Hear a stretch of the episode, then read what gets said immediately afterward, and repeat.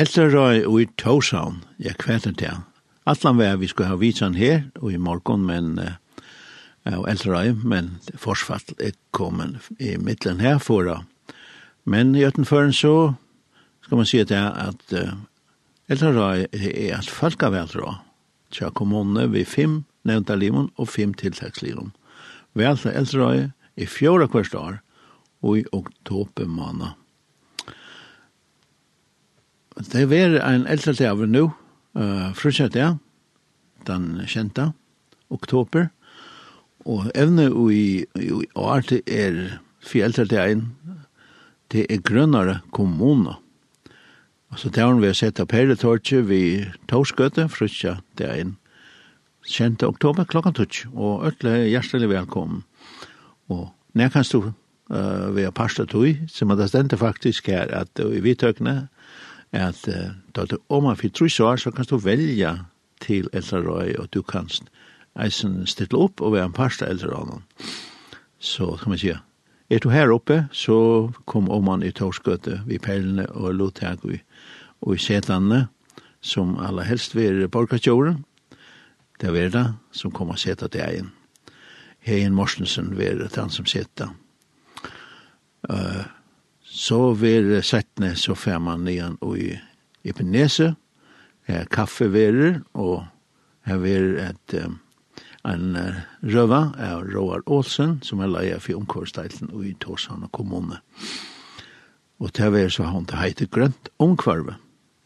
Og Oliver av Valle Olsen, som vi får vitsen her om han uh, stod, han løtte han færsinsja, sammen vi Gunnhildal Niklasen, hon hon fer sinja hon fer hula om uh, entenusla.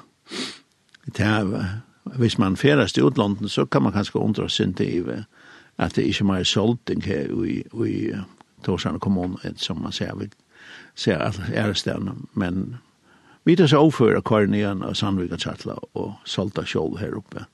Så det gjør man ikke heima, men det gjør man oppe her oppe, så det er overført Det har så fram uh, i Ebenese inn til uh, Mätarstäckver och så var det tidigt upp att klockan uh, 13.30. Her var det Majs Rein som kom att ha en avhåverd fyrleste om havnene fyr. Og hvis du har Majus Rein, så vil jeg si at fær nian her og lust etter Majus, han er over at greia fra. Så var han kaffestekker, og så ut av egen så var det Det var så avsluttet, og så klokkan 15.30, da fer vi så til Havna Kyrkje.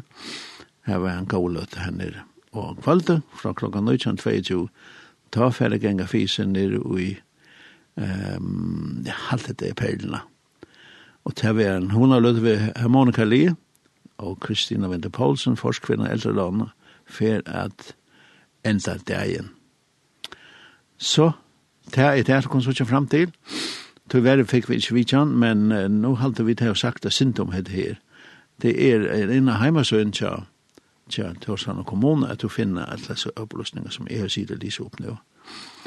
Uh, så det har vært spennende, og Olav Aval Olsen, han kommer så sint og han får vi vidtjan om her, om han har løtt det her, så det har vært. Og først,